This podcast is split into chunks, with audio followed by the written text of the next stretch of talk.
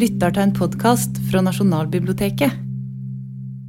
Hvordan ble Ibsen mulig? Det var spørsmålet som ble stilt her, og som ble stilt i boka deres. Og om dette, hvordan han ble mulig, så eksisterer det jo en del historiefortelling fra før av. Og En vanlig historie det er jo at Ibsen han kom fra dette lille landet Norge. Her var det trange, små kår. Han måtte jobbe på teater med kjedelig repertoar, ikke noe moderne intellektuell tenkning. Eh, så reiste han ut i verden, eh, og der opplevde han moderniteten. Og der ble han inspirert til å lage en ny dramatisk form, et moderne stoff. Og det moderne gjennombruddet kunne komme til, eh, tilbake til Norge og Skandinavia gjennom Brandes-brødrene. Og det er all denne, mis, denne, misforståelsen av denne forfulgte kunstneren og eksiltopose, at han måtte være i eksil for å skape, er en sånn sentral bestanddel. Men dere mener at den historien bør fortelles annerledes. Hva er galt med den historiefortellinga? Uh, kan si det er i hvert fall to hovedproblem. Det ene er at når en går etter Ibsens karriere, så er Ibsen en nesten kontinuerlig suksesshistorie. Han opplever stort sett framgang både som bokforfatter og, og som teaterforfatter. Nesten fra han starter og, eh, og til han slutter. Uh, og det andre er at Ibsen sitt forfatterskap er prega av en del ganske store omslag. og når vi skal prøve å forklare det, så er det veldig vanskelig å finne forklaringer på det i, i Italia eller Tyskland, der han bodde på den tid. Uh, og vår oppfatning og det vi prøver å argumentere for, er at du kan, du kan bare skjønne deg i omslaget, særlig hvordan Ibsen gjenskaper seg sjøl som en forfatter av samtidsdramatikk ved å se på han som, eller ved å erkjenne at han hele tida er en del av norsk og skandinavisk litteratur gjennom hele det såkalte eksilet. Det er klart det ligger jo en generell ambisjon hos oss om å historisere. Da. Og øh, når man ser på produktene han skapte, og denne utviklingen hans, så er det utrolig vanskelig å forklare det øh, når man utelukker den skandinaviske konteksten på den måten. Så eh, noe av visjonen her har vært å gå, se forbi den selvtilstrekkelige, uh, geniale forfatter, uh, som jo har vært et veldig, veldig veldig sterkt uh, topos. og prøve å gå inn i historien, i kontekstene, åpne dem opp, se etter kontingens, mot Prøve å motsette seg teleologi. At det, det måtte ikke ende opp sånn som det gjorde. Han måtte ikke bli en suksess, og det måtte ikke bli den veien. altså gjennom Nei, han Europa. måtte ikke det, og han måtte ikke i løpet av 1870-tallet ende opp med å skrive samfunnsdramatikk, f.eks. Mm. Det ser mye mer åpent ut når man forsøker å gå tilbake uh, og gå inn i de kontekstene. Mm. I ettertid så er jo alt opplagt, og selvfølgelig har dette noe også med hvordan han fortalte sin historie i ettertid. For hvor kommer denne ideen om eksilet og um, utenforskapet i forhold til uh, det norske fra? Eh, ja, altså, det, det, er mange, mange kilder, men det er klart at Ibsen i motsetning til Bjørnson opplevde teatret som institusjon som, et, som en, en, hinder for, for, en, for, sin litterære produksjon. Så For Ibsen var teaterinstitusjonen et fengsel etter hvert. Eh, det er ikke til å komme forbi. Og han hadde økonomiske problemer en periode. Eh, på slutten av, av, perioden i Kristiania, særlig 63-64, hadde han jo lite å leve av. Også ganske trangt i begynnelsen i, i, Roma. Så det er ikke tvil om at, han, at det økonomiske problemet hans var reelle i, i en viss periode. Eh, og, og, dette blir jo understreka av støttespillerne hans også. Det, ble, det, er fortellinger som begynner å bli skapt alltid i hans egen samtid om den fattige eh, Ibsen. Og så et par verk vekte en viss kontrovers. han var misfornøyd med at 'Kjærlighetens komedie' ikke kom på teatret. og det er klart Gjengangere var kontroversielt og ble jo ikke framført i Ibsens levetid på, Christiania Teater. Så det er, det er halvepunkt for, for en historie om en kunstner som møtte motgang. Men det er klart at Ibsen også begynner å dyrke det, og det blir en del av forfatteridentiteten hans. Å dyrke avstanden, distansen, isolasjonen. Så får vi det moderne gjennombruddet. altså Bare navnet sier jo at, at i sjølforståinga til gjennombruddet så ligger det en idé om at dette er et brudd, det er noe nytt, det møter motstand. Eh, så Brandet skaper jo en historie om gjennombruddet, som er en historie om, om eh, motsetninga mellom litteratur og samfunn. Eh, og Det er en historie som er veldig sterk, og som har blitt videreført av den kulturradikale litteraturskrivinga seinere. Og endelig så er det jo generelt det at økonomien er en type kulturell verden der det er en tendens til å stille kulturell verdi og økonomisk verdi i motsetning til hverandre. Mm. Altså Hvis dette er høy litteratur, så kan det ikke være kan ikke ha tjent mye penger på det. Nei, Så det er ikke noen fordel hvis man skal være en stor kunstner og snakke om at dette gikk jo egentlig ganske bra, og man tjente mye godt med penger på det. Det var en suksess. Det er ikke noe, er ikke noe fordel. Og kanskje ikke litteraturhistorieskrivningen heller. Er man noe interessert i, i den type Nei, ting? Det, det, er jo den klassiske modellen for det litterære feltet da, som eh, Bourdieu uh, har utvikla. Uh, eh, at uh, den som tjener lite, er den som får størst kulturell kapital. Og det, det, er jo interessant. Så en ting er at Det er en selvforståelse av noe Ibsen også er med på å projisere. Men det, noe av det interessante ved han er som vi var inne på, at sånn er det jo ikke i hans tilfelle.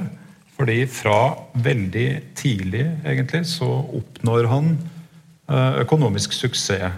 Og han får autonomi, han får frihet til å skrive sine stykker på et vis, mener vi, da, som jeg tror, vi tror det ville vært vanskelig å oppnå andre steder med den samme kunstneriske profilen. Mm. Hvor, hvorfor sier dere at det ville være vanskelig å oppnå andre steder? Dere sier at det å komme fra et lite sted, det har ikke bare ulemper. Det er ikke sånn at det bare er ulemper med å komme fra en liten nasjon. Nå ikke, skal ikke det tas til inntekt for at dere er noen sånn supernasjonalister og mener at uh, alt Vipsen er norsk osv. Mm. Men hva er fordelene da med å komme fra et lite sted? Ja, altså det, jeg vil bare si, det begrepet som er viktig for oss her, er, eh, er det vi kaller periferiens ressurser.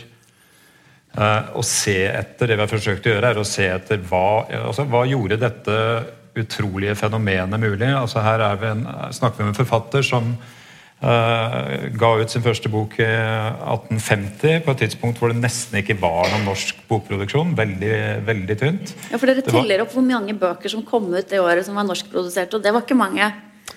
Nei, nå husker jeg ikke det tallet. Det er jo fra den første nasjonalbibliografien. Men det er en veldig, veldig liten bokproduksjon i 1850 når Ibsen debuterer. Mm. Og, og, så, uh, rundt 1890 så er han etablert i de store kulturlandene i Europa, som ofte nevnes han som en av de tre store med Sola og Tolstoy eh, i den perioden der på tidlig 1890-tall. Og hvordan var den reisen mulig? Og Da mener vi jo at man må se etter disse periferiens ressurser. Hva slags betingelser var det som gjorde at uh, Ibsen kunne nå dit uh, og bli kanonisert og bli verdenslitteratur? I, i, løpet av så kort tid. Og da er det flere vi bare supplerer hverandre. Men et, et moment er eh, at uh, romanen kommer sent til Skandinavia. Og det betyr i Ibsens tilfelle at dramatikken, drama, fremdeles er en uh, legitim kunstform. Et, et, en sjanger som det er helt uh, naturlig for en forfatter og en ambisiøs forfatter også prøve seg på. Eh, hvis man sammenligner med England på det tidspunkt, eh, så er eh, det litterære dramaet helt dødt. Det er romanen som dominerer. Og, sånn, og det er klart, I Frankrike så er det det franske dramaet som dominerer på Europas scener. Men, men romanen er i ferd med å overta, og, og dramaet har heller ikke den type status lenger. Um, så det er, et, altså det er som en slags type vilkårlig ting. Da. At uh, uh, det var mulig å komme til drama på det tidspunktet. Uh, og på den måten å fornye det. Mm. Eller Er det vilkårlig, eller er det nettopp fordi man er så langt utenfor der de viktigste litterære begivenhetene foregår? Ja da, Det er ute av synk. Altså, det er jo er periferiens fordel. da at den ikke er sentrum, at den ikke er etter synk med sentrum. Men um, ja. Ja, både det. Altså det eh, du kan si Det norske litterære feltet er jo mindre differensiert, og det er også mindre differensiering mellom sjangrene. Men samtidig så er det jo veldig viktig det understreker den også, at eh, når en ser på teatret på 1850-tallet og ser på repertoaret, mm. eh, så er det forbausende hvor samtidig det er. Eh, det som gjerne blir regna som på en måte, den nye realistiske dramaforfatterne Sardou eller ja, Dumas, De blir importert til Kristiania omtrent samme år som det, som det kommer opp i, i Paris. Det er alt på 1850-tallet. Mye av det kommer via København. Men Bjørnson og Ibsen vokste opp i en, i en, teaterkontekst som er helt samtidig med, med resten av Europa. Mm. Eh, Franco Moretti, denne eh, italienske litteraturviteren, studerte omsettingsaktivitet eh, i en del europeiske periferier. Altså Hvor raskt blir det romanene fra det store språket omsett? Eh, og hvor stor eh, bredde er det i det som blir omsett. Og Danmark, København, kommer ut systematisk på toppen. Mm. Så det er også det, viktig. Ja. Det er importkulturer ja. som er eh, delaktig i, i, det som Goethe kaller verdenslitteratur. Altså en større sirkulasjon av, eh, av tekster og, og skjønnlitteratur. Jeg får knytte det bare så vidt til det du var innom. altså at dette er ikke det er i hvert fall ikke tilbake til metodologisk nasjonalisme. Det er, det er en tilbakevending til betydningen av det norske. Men dette norske er ikke det samme som i den fortellingen. Eh, dette norske er åpent mot verden, og det er altså i stor grad en, en importkultur. Og så er dette norske De norske betingelsene blir jo veldig raskt av de skandinaviske betingelsene. Eh, så det er ting som skjer i det skandinaviske bokmarkedet, f.eks., eh, som da ekspanderer i synk med Ibsen. Og som gir han helt spesielle betingelser for virket sitt. Så øh, tilbakevendingen til det norske er en norskhet som allerede er internasjonalisert da, mm. i den fortellingen. Så er det også noe spennende i dette markedet som dere snakker om. For det er jo et publikum både for å se skuespill på teater og for å lese dem. Eh, merkelig nok i dag så selger jo ikke skuespill noe voldsomme mengder. Eh, men Ibsen han blir en suksess i bokform. Eh, ja eh, eh, Han ble en suksess i bokform. Altså det, når jeg kom inn i dette uh, altså Jeg er jo historiker. og ble, ble, spurt om å, om å bidra til Henrik Ibsens skrifter. altså Først levere kommentarer til skuespill, og så kom jo det brevmaterialet på etter hvert. og det endte med at jeg tok ansvaret for det. Det var altså Jeg tenkte litt slik som at når du leser historiebøker, mitt fag, det vi underviser i, så står det jo om at Norge ble en stor skipsfartsnasjon. Og det står om hvordan visse industrigreiner ble utvikla fra heimemarkedsindustri til eksportindustri. Ja, Det var jo det som skjedde med litteraturen, men litteraturen er på en måte ikke en gjenstand for, eh, for det historikere eh, er interessert i. Så jeg tenkte at jeg, jeg, kan ikke dette forklares historisk? Liksom, ja, kan ikke dette erobres for historievitenskapen? Skal vi overlate det bare til litteraturviterne? um, og så når det kom det til brevmaterialet si, ja. Det er jo at, at, i det hele tatt å tenke forklaring, da. Det er jo ikke vi som litteraturforskere ja. vant med. Det. Nei, for Hvis vi bare skal si litt om det, så kan så. det hende at noen sitter litt og føler på et ubehag nå sånn, når vi snakker om mm. eh, hva, hvordan var Ibsen mulig. Altså, mange mm. vil jo tenke ja, var det ikke Ibsen som gjorde Ibsen mulig? Hans mm. kreativitet, ja. hans skaperverk, hans litterære originalitet. Altså, Vi må møte det spørsmålet. Er ikke han med her? Ja. Når vi snakker om forklaringer jo, som individ? Selvfølgelig. Han var uh, god til å skrive. han var god til å skrive, men, men det, som, det, som, jeg oppdaga da jeg skulle kommentere brev, det var hvor utrolig mange ting som det var vanskelig, altså som ikke var arbeidet ordentlig med tidligere. Og det hadde med alle, alle andre ting som er viktige enn det å være en god forfatter. Altså Det er forfatterøkonomi det er publisering, det er forlagsforhold, det er omsetning, det er eh, teatret, det er copyright. Hvordan, ordner han seg for å komme ut i verden? Og Det, det er liksom noe som er fallet da mellom flere stoler. Historikerne og for lengst gitt litteraturen til litteraturviterne, og litteraturviterne var mer interessert i verket. Og Det som er litt rart med det, det er at for Ibsen sin del så er en del av dette helt ufattelig godt dokumentert. Eh, Altså, jeg tror knapt det finnes én annen forfatter av det kaliberet eh, som har etterlatt seg et slikt dokumentarisk materiale på inntekter, på opplag, på ja, det, meste, det meste som er interessant av slike ting. Da. Eh, for eksempel så førte Ibsen fra 1870 til våren 1890 regnskapsbøker der han fører inn detaljerte opplysninger om hver eneste inntektskilde. Altså gjennom hele den viktigste delen av karrieren. Uh, altså Som historiker syns jeg dette her er Ibsens mest undervurderte verk. uh, men det er, jo, en fantastisk kilde til informasjon. altså Han har ført opp datoen for eh, beløpet er innbetalt. Hva er det for? Hvor kommer det fra? Hva er det for? Og når det, når det er bøker, for eksempel, så står det opplag, og det står eh, hvis det er framandbeløp, så er en sjøl regna det om til norsk valuta. Så vi kan altså rekonstruere Ibsens inn, inntektssida av Ibsens økonomi i detalj gjennom tre tiår. Helt enestående. Gyldendal-materialet er fantastisk. Det, er, det fins detaljerte opplysninger om opplaget på alle Ibsen-utgivninger. Alle utgavene i hele hans levetid. Om eh, honorar, om utgifter til trykking osv. Så, eh, så det er et, helt enestående eh, materiale. Og Hvis en da f.eks. bruker Gyldendal-materialet, så kan en da rekonstruere for eksempel, Her er det, det blå søylene det er førsteopplag av Ibsen-bøker.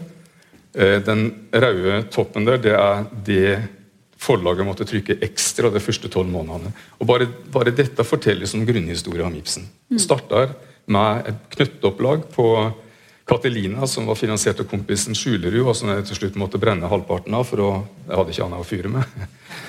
eh, opplaget litt usikkert, kanskje 250. Og så ser du den store søyla midt i. Altså For det første, da, det er en jevn vekst. Og den veksten er slik at Hegel på en måte undervurderer markedspotensialet til Ibsen ganske systematisk. Han må hele tida rushe på med nye.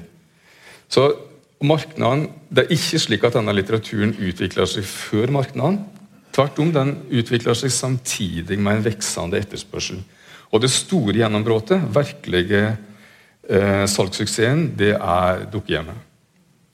Det er den som er midt i det. Da mente Hegeland tok stor sjanse ved å trykke et førsteopplag på tror jeg, er det 8000. 8000 I løpet av ett år så er det trykt i 13 500. Og det, 13 500 eksemplarer av et skuespill. Ja, 13 500 ja. av, av et skuespill. Og dette her, I tillegg er det dyre bøker.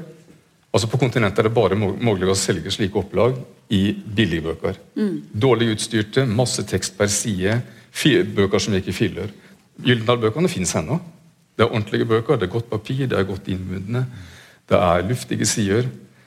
Eh, dyre bøker som det likevel går an å selge i opplag som er bare helt ubegripelige i en europeisk sammenheng. Eh, og som også det, fordi at det er dyre, skaffer forfatterne solide inntekter og gjør at Ibsen ganske tidlig kan begynne å, å investere inntektene sine. Mm. og så er 80-tallet generelt en dårlig uh, eh, på bokmarkedet, men Ibsen stabiliserer seg da på første opplag på ca. 10 000. Så er det et nytt oppsving helt på slutten, siste delen av, av 1890-tallet. Men bare det, altså når, det begynte å se, prøvde å se på det var i Tyskland, Frankrike, England, så er dette her ubegripelig høye, høy opplagstall. Og spesielt fordi det er så dyre bøker. Mm. Altså, Det er i hvert fall ei veldig viktig historie om periferiens ressurser, om betydninga av heimemarkedet for Ibsens litteratur. Og Det er, det er, den, det er den, nye samtidslitteraturen det er det som bryter gjennom til nye lesergrupper. Vi kan si at Ibsen starter med å skrive for en relativt avgrensa embetsmannsgruppe. Og så, med samfunnet støtter og dukkehjemmet, så er det helt, ser en veldig tydelig at han mobiliserer nye lesergrupper. Mm. Men hvorfor er de kjøper så mye bøker, da? Hvem er disse menneskene? Hvorfor kjøper de flere bøker her enn i Europa? Vi vet uh, relativt lite om uh, de gruppene. Uh, det er klart det er, det er en basis her som er en høy grad av lesekyndighet i Skandinavia, som, som nok er et utgangspunkt. Men her har vi satt to stipendiater i gang med å studere lesehistorie for å prøve å nå fram til hvem disse leserne er. For det, det, vi, det vet vi rett og slett veldig lite om. Og vi vet ikke heller hvordan disse Ibsen-bøkene fordelte seg mellom de skandinaviske landene i salg.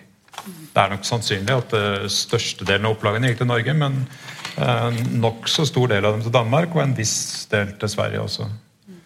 Um, men jeg har lyst til å bare, bare for å gjøre det poenget da, om at Ibsen var god til å skrive, men mm. det var noe mer som skulle til.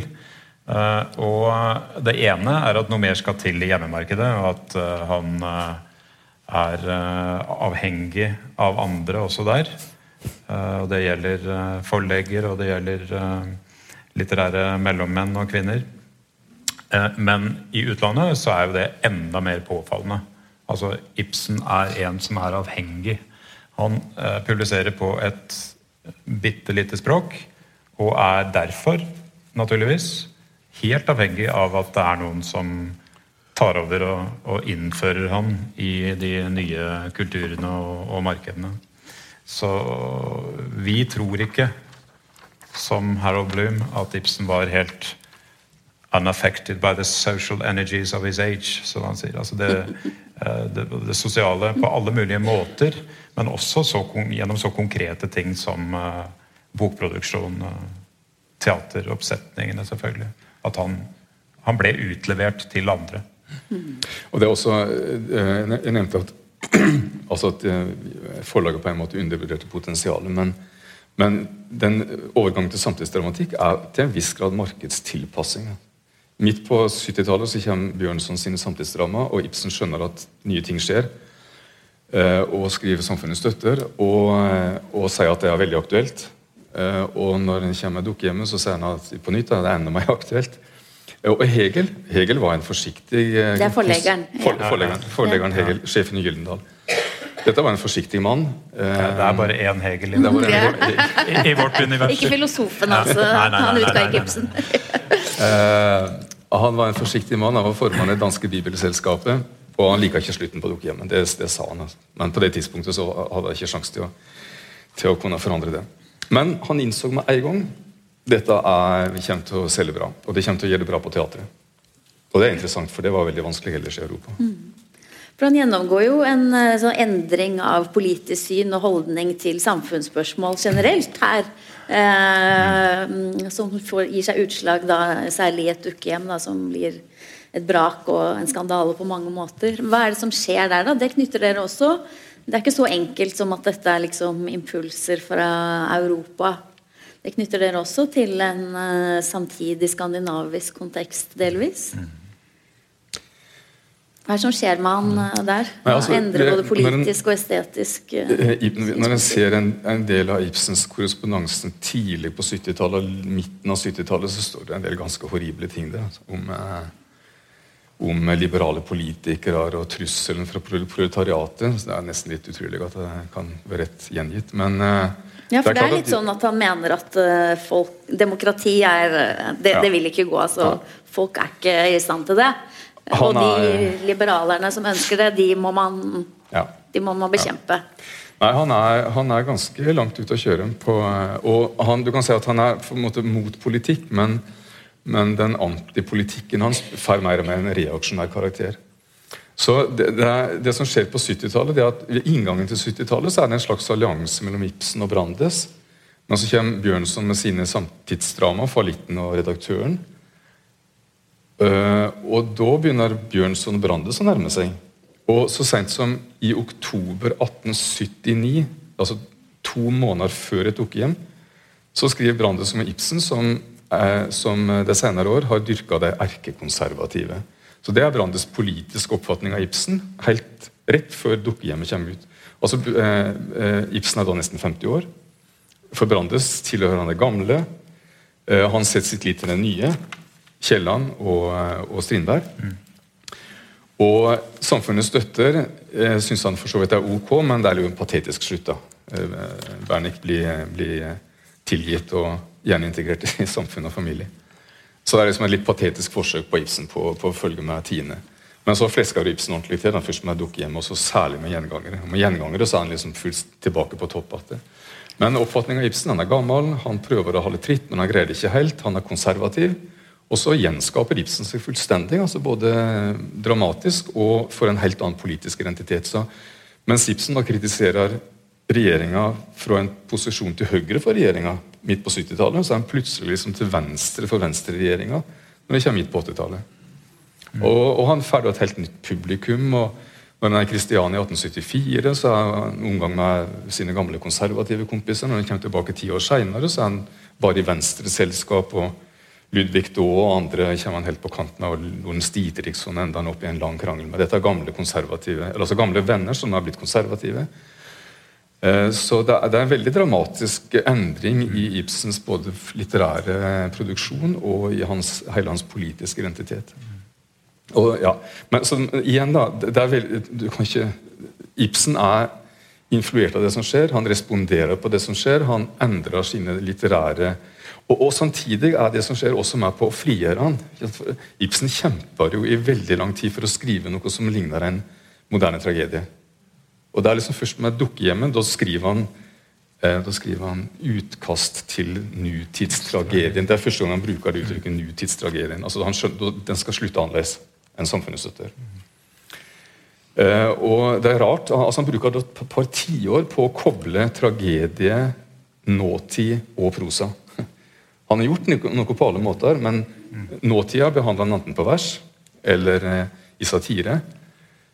Fortida tragedie. Men liksom tragedie, nåtid og prosa, det tar veldig lang tid før han når dit. Og, og det er helt opplagt at det som skjer med, omkring det moderne gjennombruddet, hjelper Ibsen å overvinne slike estetiske barrierer som han har kjempa med. Det er et viktig poeng det med at han gjenskaper seg da, igjen og igjen. egentlig. Så han knytter seg jo til det litterære venstre på et tidspunkt. Og så hever han seg over partistrukturer og går videre og går inn i en ny fase også i, i forfatterskapet. Men dette her illustrerer jo det hovedpoenget da, om at uh, vi mener at uh, eksiltopos og eksilfortellingen har blitt for sterkt betont. Uh, han drar altså den i, i, sin enkleste form. Ibsen drar fra de vanskelige vilkårene hjemme til Europa, møter moderniteten, settes i stand til å skrive disse stykkene. Mens det er helt åpenbart at for det første er det veldig underlig at hvis det var sånn det var, at han da skulle dra til Roma og Dresden og, My, og München, uh, som er liksom motreformasjonens uh, steder. Det er jo ikke, Han skulle dra til Paris eller til London hvis han ville møte moderniteten. For det andre så er det jo masse masse indisier på at han faktisk følger veldig godt med og lar seg styre og respondere på det som skjer hjemme.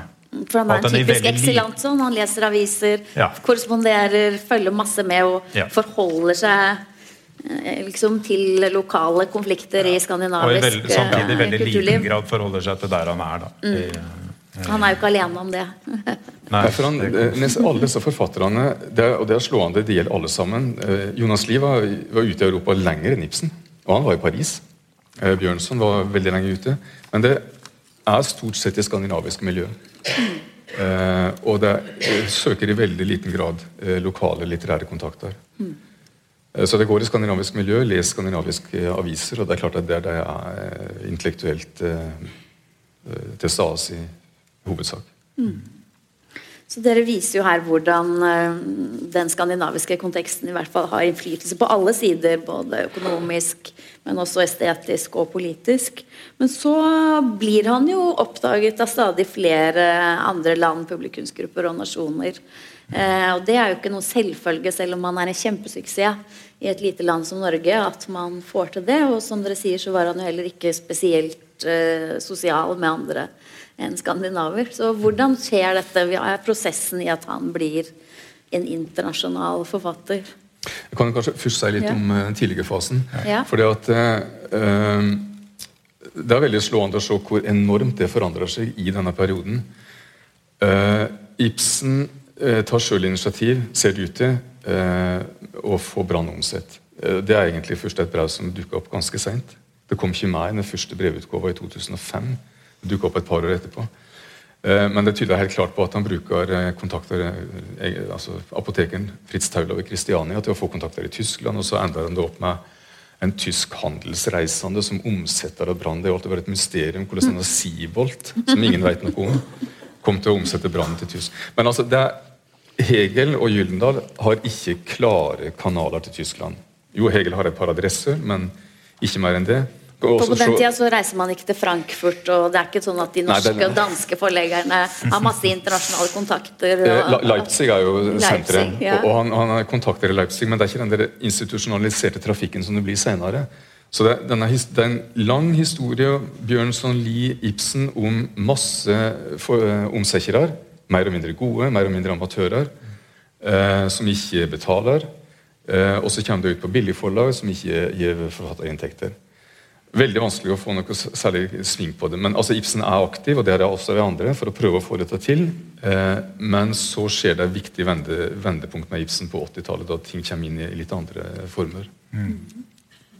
Da kan du si at han blir, han blir, tatt opp av lokale aktører som har en sterk dagsorden i sine kulturelle felt.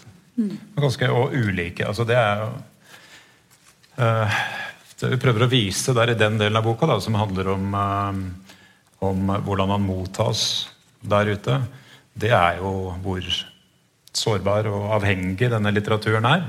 Uh, og i hvor stor grad den nettopp er avhengig av at det fins folk der ute Uh, mediators, sier vi vel på engelsk. Men, mellommenn. Uh, mellommenn er jo mer kjønnsspesifikt. men som det er i på et vis i stor grad er det menn. Det er jo menn i denne historien. I stor grad menn. Mm. menn er, han appellerer på helt spesielt vis til kvinnelige skuespillere. Mm. Eh, så, så, det er en, eh, en, feministisk dimensjon med det som blir veldig tydelig utover på sent 80-tallet og på 90-tallet. På Dukkehjem er det mange kvinnelige skuespillere og teateraktører. Ja, som rett og slett i England eksempel, ja. som, som, tar på seg å sette opp dette stykket, og som finansierer det. Oppsetningene, til og med. Eh, så det er påfallende. Men disse agendaene kan være veldig forskjellige. Men jeg har lyst til å si altså det, det, der at det er mot mange odds, altså. altså Henry James formulerer det på vakkert vis om Ibsen. Dette er ikke til å tro. Han er jo the provincial of provincials. Altså, det fins ikke noe mer perifert eller provinsielt enn denne fyren, og der han kommer fra. Men likevel så er det et eller annet som appellerer til oss. Det kan han si når han som ikke leser norsk, kan oppleve eh, Ibsen som fra begynnelsen av 90-tallet at han, eh, han, eh, lar seg interessere. So Men, far from Piccadilly. So far from Piccadilly and our glorious standards. uh, standard kan ikke komme fra er det? Nei, ikke det er noe barren, democratic Det er sånne ord han bruker. da. Mm. Barren og democratic, er det i samme kategori? Samme, Demokratisk samme kategori. og ødslig?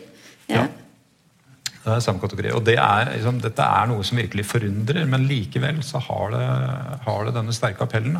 Eh, og, men aktørene som griper tak i han, er veldig ulike. Hvis vi skal ta England eh, kort, eh, så begynner det med en fyr som heter Edmund Goss. Han jobber på British Library og får beskjed, være en ung mann og får beskjed av en eldre om at ja, hvis du skal skaffe deg en karriere innen litteraturen, så kan det kanskje lønne seg å prøve skandinavisk og kanskje nederlandsk litteratur. Så drar han en tur til Norge. Noe som det ikke er så mye konkurranse om? Ja. Det, det ligger åpent. Der er det, ingen andre som interesserer seg. Eh, så, så, drar han til Norge, og så setter han seg ned og lærer et slags norsk, tror jeg vi tør si. Eh, da, han fortsatte med en karriere hvor han var oversetter av Ibsen. og eh, Omtrent 20 år, nei, 25 år senere så drar han endelig til har i hvert fall tenkt seg til Kristiania. Mm. Og da skriver, skriver, Ibsen og sier 'Jeg er forbauset over deres ypperlige norsk'. og det var det grunn til å være. Han hadde nå kaster jeg inn anekdoten her, men han hadde det hans venn, den før nevnte Henry James, kalte 'a genius for inaccuracy'. uh, så det er så mange tabber, og det blir, fører til strid. Men i hvert fall, han går inn i det, og han formidler mye. Uh, han strever med å få plassert oversettelsen i begynnelsen, men han formidler mye. Han skriver, skriver om Ibsen, han skriver om, om skandinavisk uh, litteratur. Og så har han skapt seg en karriere, og så går han videre, egentlig. Uh, og så kommer det en ny generasjon som bruker han til noe helt annet. Dette er fra tidlig 80-tallet framover i Storbritannia. og Da er det igjen helt påfallende veldig annerledes enn hjemme. En krets sosialister og deres feminister som eh, griper eh, Ibsen begjærlig, og som bruker han for hva han er verdt. Og Det skaper en helt spesiell dynamikk i det engelske litterære feltet, som forklarer hvorfor det også blir en så sterk konservativ reaksjon mot ham. Det er et veldig polarisert felt. Og mye pga. at sosialistene legger beslag på ham. Det ville vært utenkelig hjemme i den mm. perioden. vil jeg si. Uh, og Da er det sånne som Eleanor Marx, uh, Karl Marx' uh, yngste datter, og det er George Bernard Shaw og, og, en del andre som ikke er kjent her. men det er The Fabian Society som legger beslag på Ibsen. Og I løpet av den perioden så kommer det en fyr som heter William Archer. En slektning av Colin Archer, dere. Eh, og her har vi han. Her, ja. Han kysser uh, Ibsens tær. Og, og, det har å gjøre med hva slags, eller hvordan han først fremstilles i uh, uh, Dette er Max Beerboms karikatur. hvordan han fremstilles i den konservative pressen og i, som en som har Ibsen som, som gud. det er enkelt å fremstille han sånn kanskje i begynnelsen, nettopp hvor det, de store kulturkampene raser rundt Ibsen. 1889 til 93 så er han antageligvis den utenlandske helt, jeg tror sikkert den utenlandske forfatteren, for ikke å si den forfatteren det skrives mest om. Den mest omdiskuterte forfatteren i, i, i Storbritannia. Uh, og de store åra er 1889, hvor han får det første teatergjennomslaget med, med Tukkehjem, og 1891, hvor uh, gjengangere, uh, som egentlig er sensurert, settes opp i en semiprivat sammenheng.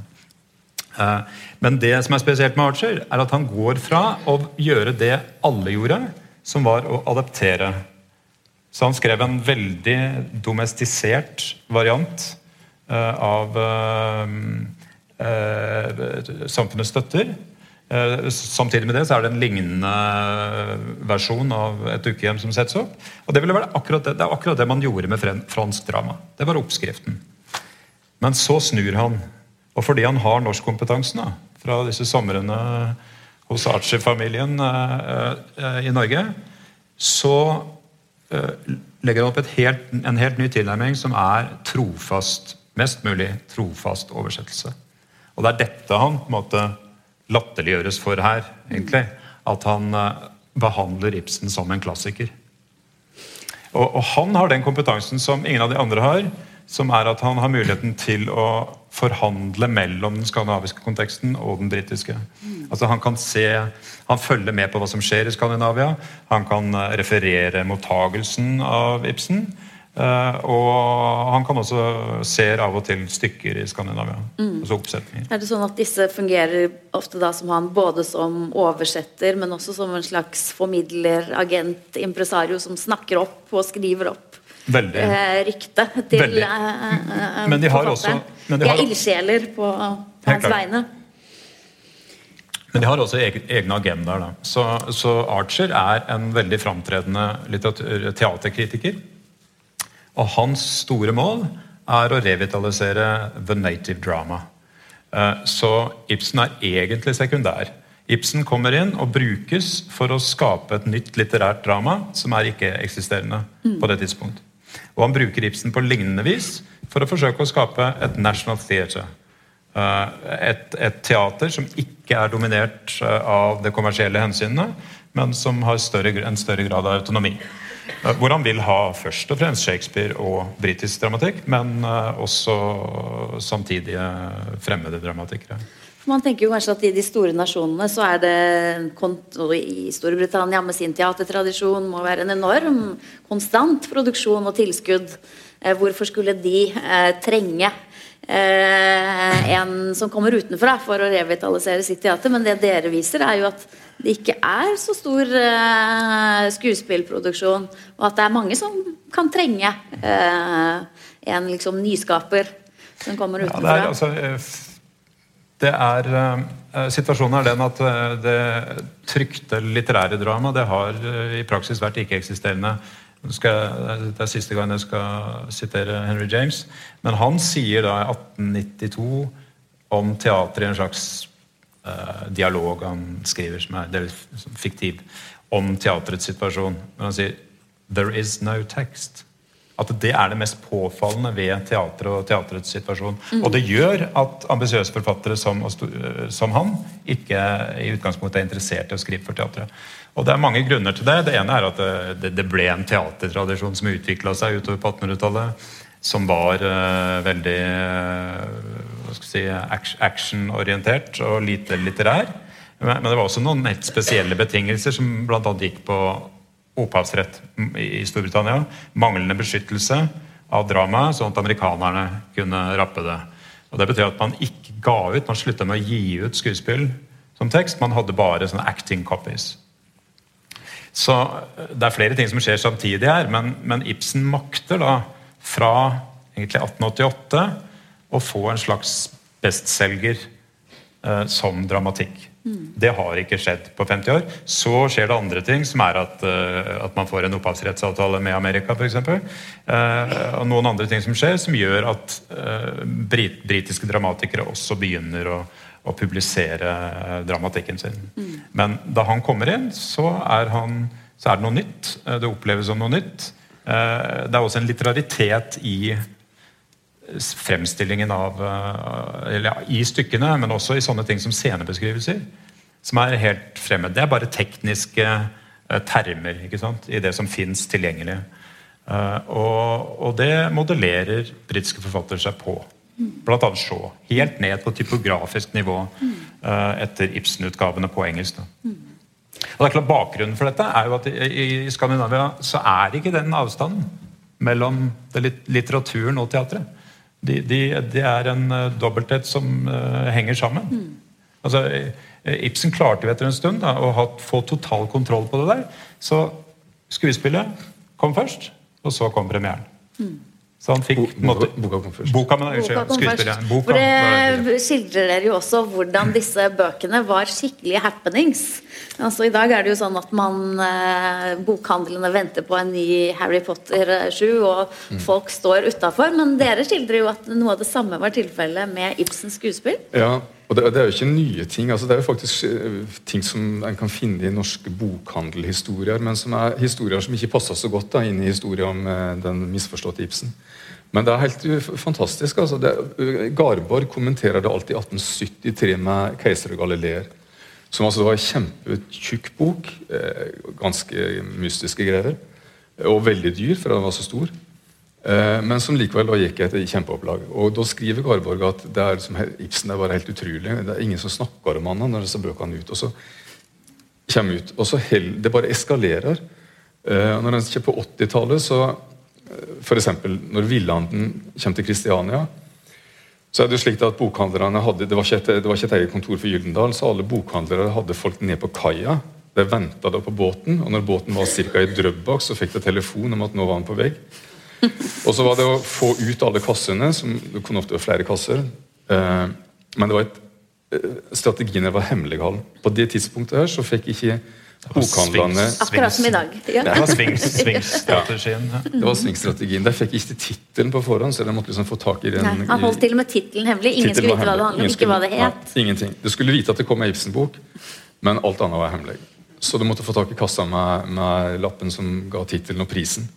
Og så var det oppe i bokhandelen, prisebøkene, og så var det ut det gikk for ut med, med bud til, til, folk som satt hjemme. Altså, Francis Bull har skildra det der første han opplevde. Det, er litt seinere. Er Borkmann i 96. Far til Francis Bull ble senere legen til Ibsen og var interessert, litteraturinteressert mann. Og Francis Bull skildrer da hvordan faren gikk opp og ned og venta på budet fra Kammermeier som skulle komme Ibsens nye. Kom, når han kom, så skriver Francis, da, så tok han med kona og Edvard, som var et par år eldre. Edvard var vel da kanskje 12-13 år, inn på kontoret, og så las Edvard Bull stykket høyt for stakkars Edvard, og, og, eh, altså historikeren, og kona. Det skulle være i dag. Men Francis Bull var enda litt for liten. da. Men altså det, De litteraturinteresserte gikk hjemme og venta på budet. Kvinner hadde samla seg for å drive høytlesing. Avisene hadde altså handlingsreferat av Villanden samme ettermiddag. Tre Kristiania-aviser hadde handlingsreferat. Det var Ibsen sur på, da, for han ville ha skikkelig kritikk. For han ville ikke ha handlingsreferat. Nei. Vi skulle ikke gi skulle bort ikke, alt det der uten å gi han ordentlig Skulle ikke røpe noen spoilers. Men, men, det sier jo litt om, om interessen eh, for det. Akkurat som i dag så måtte journalistene få boka om, uh, om morgenen, og så kom det ut i ettermiddagen hva, det, hva som sto inn i denne boka. Ja. Så det er ikke noe nytt. Dette Nei, liksom dette er fra 1880-tallet. Eh, hemmelighetskremmeriet og når jeg kommer på 90-tallet, så var det jo enda, eskalerte enda et hakk. For da, da, da fikk jeg det med de samtidige publiseringene. Altså at nye Ibsen-stykker kom samtidig i i eh, København, eh, Berlin og London. Mm. Og da, da er det jo liksom karikaturen her at det var jo til og med Ibsens innlevering av manuskriptet var jo da blitt kjempestore begivenheter. Ja. Brakte i dag 11.35 sitt manuskript på posten, ja. Ja. Nå er han ordentlig berømt. Så her er det hornorkester og jeg tror det er, jeg tror Universitetsplassen som er pakka full, og postmesteren tar imot det nye manuset.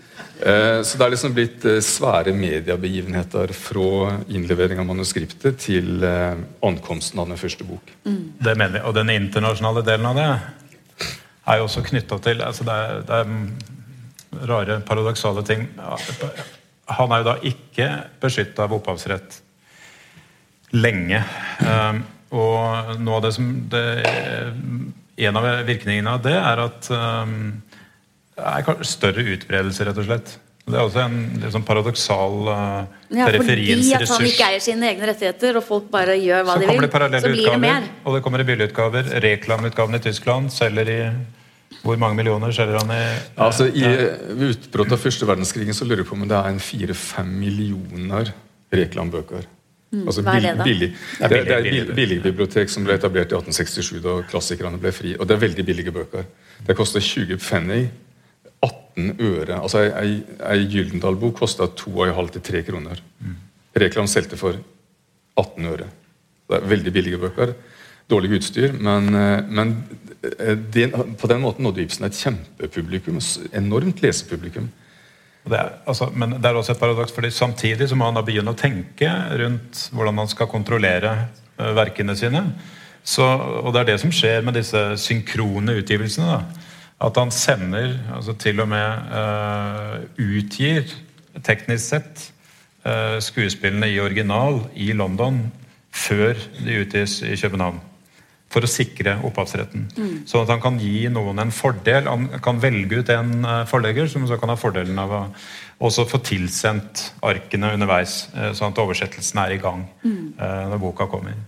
Eh, Så det skjer sånne ting som vi, Dette mener vi er Vi har ikke sett noe lignende. altså at Det er kanskje det første eksempelet på en sånn synkronisert begivenhet i verdenslitteraturen. Um, og, og det kommer ut av den situasjonen som er en form for hjelpeløshet, egentlig. At man må utvikle strategier for å, for å komme det i møte. Og samtidig så må man da ikke tjene penger på all den piratvirksomheten rundt omkring, så blir han likevel ut, utbredt. Altså han når ut. Um, men det gjør jeg tenkte litt tilbake til eh, um, uh, det du sa om, eh, om utlandet. for Noe av det påfallende er jo at det er så mange Ibsener. Det skriver vi også om. Mm, fordi Nå har vi snakket om England, men hva med Frankrike, Tyskland? Altså, han har jo helt forskjellige mellommenn og helt forskjellig mottagelse. Han betyr helt forskjellige ting for forskjellige folk. Mange mulige innganger til det, men, eh, men eh, eksempelvis eh, så i Frankrike så blir han Så er det først Antoine og naturalistene som griper tak i han, og som bruker han i sin bevegelse for en ny spillestil og en ny tilnærming i, i teatret. Etter det så kommer Det er kanskje det mest outrerte eksempelet på appropriering, som det heter på fint. Eh, eh, symbolistene eh, med Lygne Poet. En veldig outrert, sakte stilisert spillestil. Og så I England så er det mer Det er realisme, men det er avantgarden. som Det er små ensembler som setter opp og Det er vel ett eksempel på 1890-tallet på at han når eh, West End. Eller så er det, er det i matinéforestillinger. Så det, han er veldig viktig. Han er ikke så viktig sånn innovativt spillestilmessig, men han er viktig eh, for å danne mer et mer autonomt teatersegment. Da. Det er mange som lar seg inspirere gjennom Ibsen til å stifte teaterselskaper og, og, og gjøre ting uavhengig av den kommersielle sektoren. I Tyskland ligner det litt mer på øh, det skandinaviske. Ja. At han blir spilt på de store scenene. Ja, Han ble spilt på alle typer scener i, i Tyskland. på en måte. Altså både Alt fra eh, hoffteater og via byteater og ned til eksperimentelle grupper. Og så er han stor som litteratur. Han er stor både i teatret og som litteratur. Og i Tyskland blir han jo rett og slett omtrent nasjonalisert. altså det er jeg så, jeg las akkurat noe brev fra Sigurd Ibsen. og Han skriver da, det er omkring 1910 at eh, nå har et tysk selskap liksom reist til Frankrike for å turnere, og det spiller eh, Goethe og Grillparzer og Ibsen. Mm. og så se, Det har liksom tatt til seg Ibsen som tysk forfatter. Mm. Men det, det, og Fischer kommenterer det omkring første verdenskrig. Hva vil skje med, med utenlandske forfattere nå, under inntrykk av krigen? Eh, står det på feil side, så vil det sannsynligvis bli hivet ut. Men Ibsen er liksom heva over det. altså Ibsen er altså blitt tysk kultur på en måte som gjør at han er eh, heva over politiske eh, konflikter. Altså En illustrasjon på det skandinaviske øyeblikket i Tyskland er jo at eh, det er et morsomt eksempel på tyske forfattere som tar skandinavisk-lignende, klingende pseudonymer i håp om å gjøre det bedre på, på markedet. Det skulle man ikke tro at så, det skulle være en fordel. Så populært. Eh, så populært var det. Mm. Og det er klart det er mange som følger Ibsens følger i kjølvannet mm. også. Men det er ingen som når samme popularitet. Det er klart Tyskland er, har vi kanskje ikke stressa nok, men Tyskland er jo det første landet ut. Selv om det er en litt sånn uh, start and stop-karriere uh, i begynnelsen, så er det klart at det er det viktigste. Og han når jo Tyskland altså Gjennom Tyskland så når han andre land ja. Også. men det neste resonnementet vårt er vel at England eller Storbritannia blir likevel viktigst til slutt. Da, fordi mm. engelsk ender opp med å bli verdensspråket. Og det at han klarte det, at han made it der, fører han ut i verden på en helt annen måte enn han ellers ville ha gjort. Og da kan du sammenligne med men Med bokmarkedet i dag, da. Der Tyskland er de som er mest interessert i mm. norsk og skandinavisk litteratur, mm. men der allikevel det, det uoppnåelige engelske markedet mm. åpner dører til uh, resten. Mm. Men han er jo stor, som dere sier, og populær på mange måter, men også kontroversiell. Eh, og kontroversen og populariteten er jo litt mm. to sider av samme sak. Mm. Eh, men noe av det mest spennende der er jo et dukkehjem og den svært kontroversielle slutt med at Nora går til slutt. I Norge så turte man ikke noe annet enn å la Ibsen få viljen sin. Men ellers Nei. så var den slutten ja. ikke så Det er litt vanskelig, å, ja. vanskelig å vite om det ikke torde, men det ser ikke ut til å være et aktuelt tema. rett og slett. Så det var, en spilte det med den originale slutten, og det var en kjempesuksess i Kristiania og København. I København var vel hjemme det mest suksessfylte stykket fram til hundreårsskiftet. Eller i hvert fall ett av det. Og det samme, ja, det samme er Kristiania. Så det, det, ser ikke ut til at det er spørsmål om å forandre slutten, men det er det jo overalt ellers. Så er det nesten ti år før det går an å framføre dukkehjemmet med den originale slutten. Så Det er jo problemer at Ibsen ikke har opphavsrett ute, slik at han de kan gjøre hva de vil med det uh, utenfor Skandinavia. Uh, og Da blir han jo han fin da ut i Tyskland at det er bedre at jeg lager en alternativ slutt, det er noe de kommer tilbake, enn at andre skal gjøre det. Uh, så han men, men, det er helt åpenbart at den originale F.eks. I, i München, der Ibsen så eh, Einar første, så førsteoppføringa av et hjem. Der, der den andre tysker. Den første var i nord. Den andre er i München. Der bodde Ibsen. Han fulgte innstuderinga. Og de spilte den originale slutten. Og da skjedde det at publikum på en måte endte i to eh, antagonistiske leirer. Det var entusiastiske helt fram til siste stykke, og så begynte liksom publikum å slåss med hverandre. Men dette, dette, er, jo også, dette er jo også et et poeng som uh, går inn i det resonnementet med at det kanskje det ikke var så ufattelig backwards uh, likevel. Altså, I Skandinavia så var det mulig, mens i Tyskland så strevde man med det. Altså, er det Kunne et ukehjem vært skrevet i noen annen kontekst? Det er jo et spørsmål vi stiller. Det, eller var det rett og slett sånn at det var her det var mulig? Mm. Og så kunne det siden liksom nå, nå verden. Mm. Eh, Brandes er vel har ikke tro på at det kan lykkes i Tyskland? Nei, nei Brandes er en veldig interessant rapport, for han er i Berlin når jeg Dukkehjemmet kommer der. Uh, og hans diagnose er at for det første da, han, han, er ikke kompis med Ibsen på den tid. Uh, det tok litt tid. så det, det, det, bor begge to i Tyskland, men en liten kontakt. Men Brandes konstaterer umiddelbart at et dukkehjem er et mesterverk. Og han sier at det tyske publikummet er ikke modent for dette. Mm. Det er forderva av det franske populærteatret. Dette er et mesterverk, det skjønner de ikke. Det har ikke evne til å framføre det på en ordentlig måte, og eh, det er, det er perler for svin. Mm.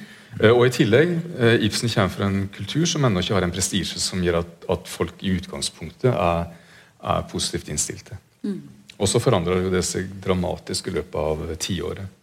Når jeg kommer til 1890, så er situasjonen helt annerledes. Mm. Gjengangere litt, litt det samme. Jo, Hovedteatret vil ikke sette det opp. Men svensken August Lindberg har jo en kjempesuksess med en skandinavisk turné veldig tidlig. 1883-84. Og i, Der er jo sensuren viktig. Det fins ingen sensurinstans i Skandinavia som nekta Lindberg å framføre gjengangere. Mm. Det var bare det at eh, Skrøder på Christiania Teater trodde at publikum ikke var klar for syfilis og drikkeorgier og slike ting. eh, ja, men, det var ingen som stoppa Lindberg. Mm. Det fins institusjonell sensur, ja. men ikke, ikke, på et nasjonalt nivå. Ikke på et nasjonalt nivå, nei. Mens i Tyskland så blir eh, eh, gjengangere eh, frigjort av sensuren er delstatsansvar, men Prøysen er vel den første som eh, godkjenner det for offentlig framføring i 1896, altså etter 15 år. Og i Storbritannia 1913. 1914. 1914, ja. 1914. Mm. Så er det jo et annet aspekt ved dette, og det er selve som dere skriver om, og det er selve forfatterrollen. Vi ser jo at uh, også i hans egen tid så blir han jo fremstilt på en måte som en som er på sokkel. Da, som en som blir eh, Som man ligger på kne for, og som turister eh, går og beundrer. Um, og dere skriver jo en del om hvordan han utformer sin egen forfatterrolle, det som kalles for Svingsen. Mm. Kan dere si litt om den forfatterrollen? At det er ikke, det er ikke naturgitt eller det er ikke kulturelt gitt at alle forfattere på den tiden eh, forholdt seg sånn som han gjorde. Ganske taus og mystisk om mm. eh, sine beveggrunner og tanker bak disse verkene. Han lot seg ikke intervjue i hytt og pinne i pressen. Mm igjen så er det noe som Noe av det skyldes nok at han hadde muligheten til å være autonom. Han, kunne, han kunne la være å skrive avisartikler fra ganske tidlig av. Så hadde han et inntektsgrunnlag som gjorde at han kunne konsentrere seg om å skrive dette skuespillet eh, annethvert år. Veldig med stor eh, grad av regularitet. Uh, og Det betød at han kunne holde en viss avstand til begivenheten og det som skjedde. Veldig mange var, andre var jo avhengige av hele tiden å være i det dagsaktuelle på en helt annen måte. Uh, uh, og dette ser man, det avspeiler seg også for så vidt når det gjelder utlandet. For i begynnelsen så er han veldig aktiv, involvert, prøver å påvirke. Uh, heier på initiativer fra England og Frankrike og Tyskland. Og involverer seg, og så gradvis så trekker han seg tilbake. Uh, og um, han skiller seg ut altså Strindberg er jo veldig syrlig uh, om denne skikkelsen som sitter i et hjørne. Er det, det, er et hjørne han bruker? Som en annen Moses? Jeg vet ikke om jeg tenker meg Moses på toppen av noe, men i hvert fall som, som åpner munnen hvert annet år. Ikke sant? Og det som er sikkert, er at um, det, det, det, funker. Uh, og biografien får veldig lite med uh, altså Den mer sånn allmennbiografien får veldig lite med verkene å gjøre. Av den grunn, i samtida. Det slår veldig lite inn. på En, ja, dette er veldig langt unna Knausgård. Mm. Han kjører helt motsatt strategi. Ja. Helt motsatt strategi. Um, Uh, og så er det en morsom episode der da, som er, veldig, som er ganske ja, for det, I dag så tenker vi, Det var jo sikkert sånn hele tiden, det var sånn det ja. måtte bli, men på et tidspunkt ja. så vurderte han en helt annen eh, innfallsvinkel. Pussig nok. Ja. ja. Mm. Han, han, eh, og det er omkring 1880 så skriver han til Hegel et par ganger at han tenkte han skulle skrive om omstendighetene omkring sine verk. Altså, det er omstendighetene han levde i da det ble produsert. Han, han er tilløp til å gjøre noe slikt. Det er et brev fra 1870 til en dansk litteraturviter. og så vil han tydeligvis utvide det litt. Og det interessante da, ja, altså Her har da Hegel Nordens mest selvgående forfatter, omtrent. Eh, og så sier Hegel nei. Det må du absolutt ikke finne på. Ikke skrive om deg selv. ikke skrive om deg selv. Eh, litt rart. Men eh, han kjører veldig på en slik autonomiestetikk. altså Verka dine taler for seg sjøl. Du skal ikke blande inn private ting inn i mottakelsen av verka dine. Du skal tie stille. Og du bør helst ikke etterlate deg papir som av, en slik privat karakter. Bør med det. Så han, han, etablerer en veldig avstand mellom forfatterbiografien og verket, og vil altså ikke ha Ibsen. Han sier at noe helt annet er det når du liksom på slutten av livet, når du kan se tilbake på hele forfatterskapet som en avrunda totalitet, da kan du liksom kanskje lage en Aus meinem Leben, et eller annet slikt. Men, men ikke nå. Og Det er nok også litt med at dette her er midt i den kontroversen omkring gjengangere.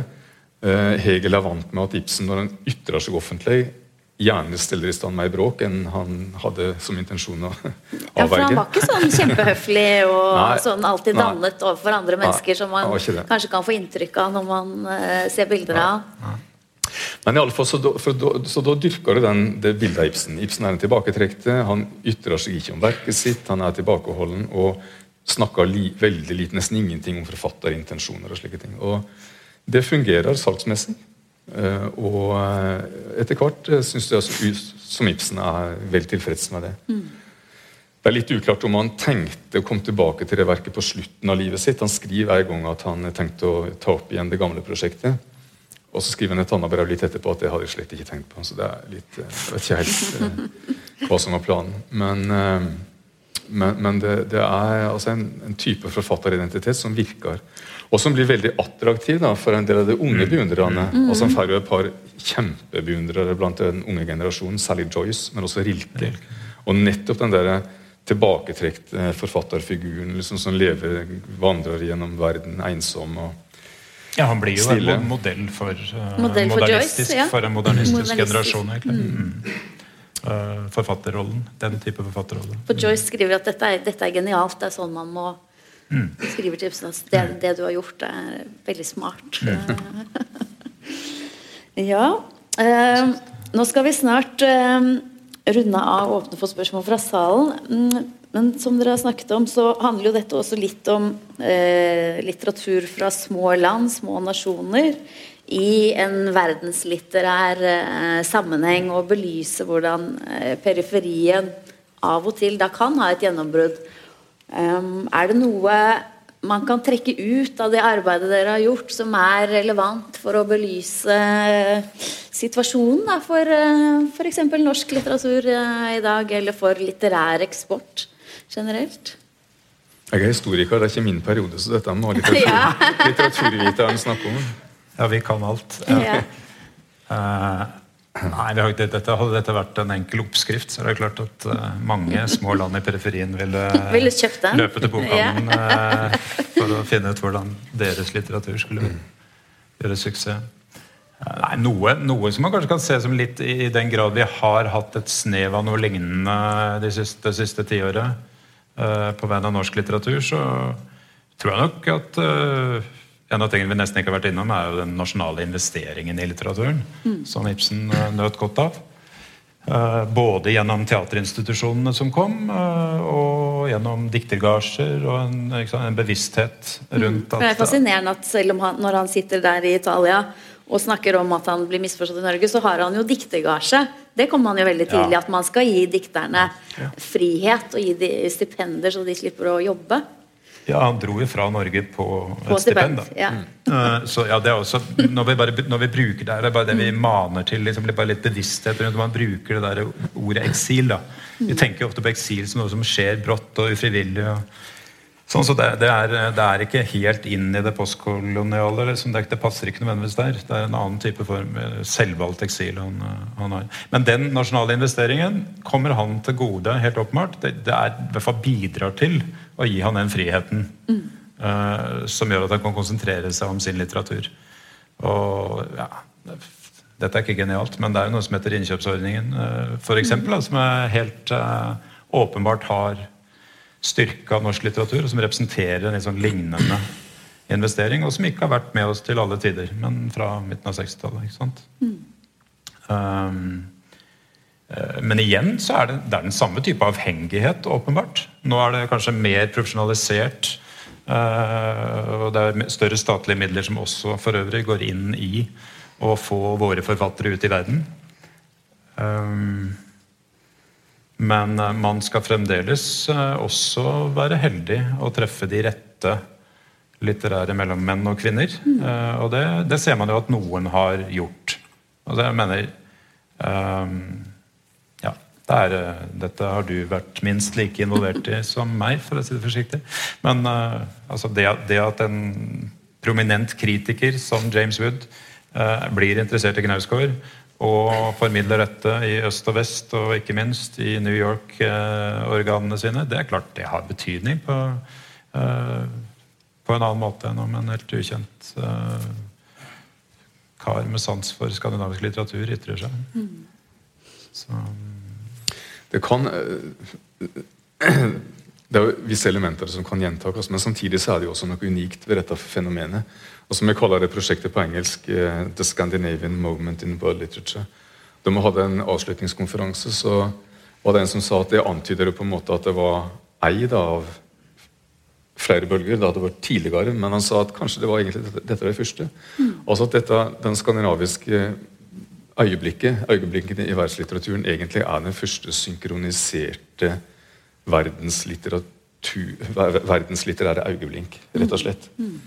Mm. Så Det er noe veldig unikt ved det i verdenslitteraturens historie. Og det er også Skandinavia da, som representerer det. For så vidt sammen med Russland. Det er to periferilitteraturer mm, samtidig. samtidig. Ja. Det er den russiske og den, og den skandinaviske. Mm. Det er nytt på den måten at de store litterære maktene er stort sett vant til å være selvforsynte eller supplere hverandre. Mm. Altså den franske, engelske, tyske.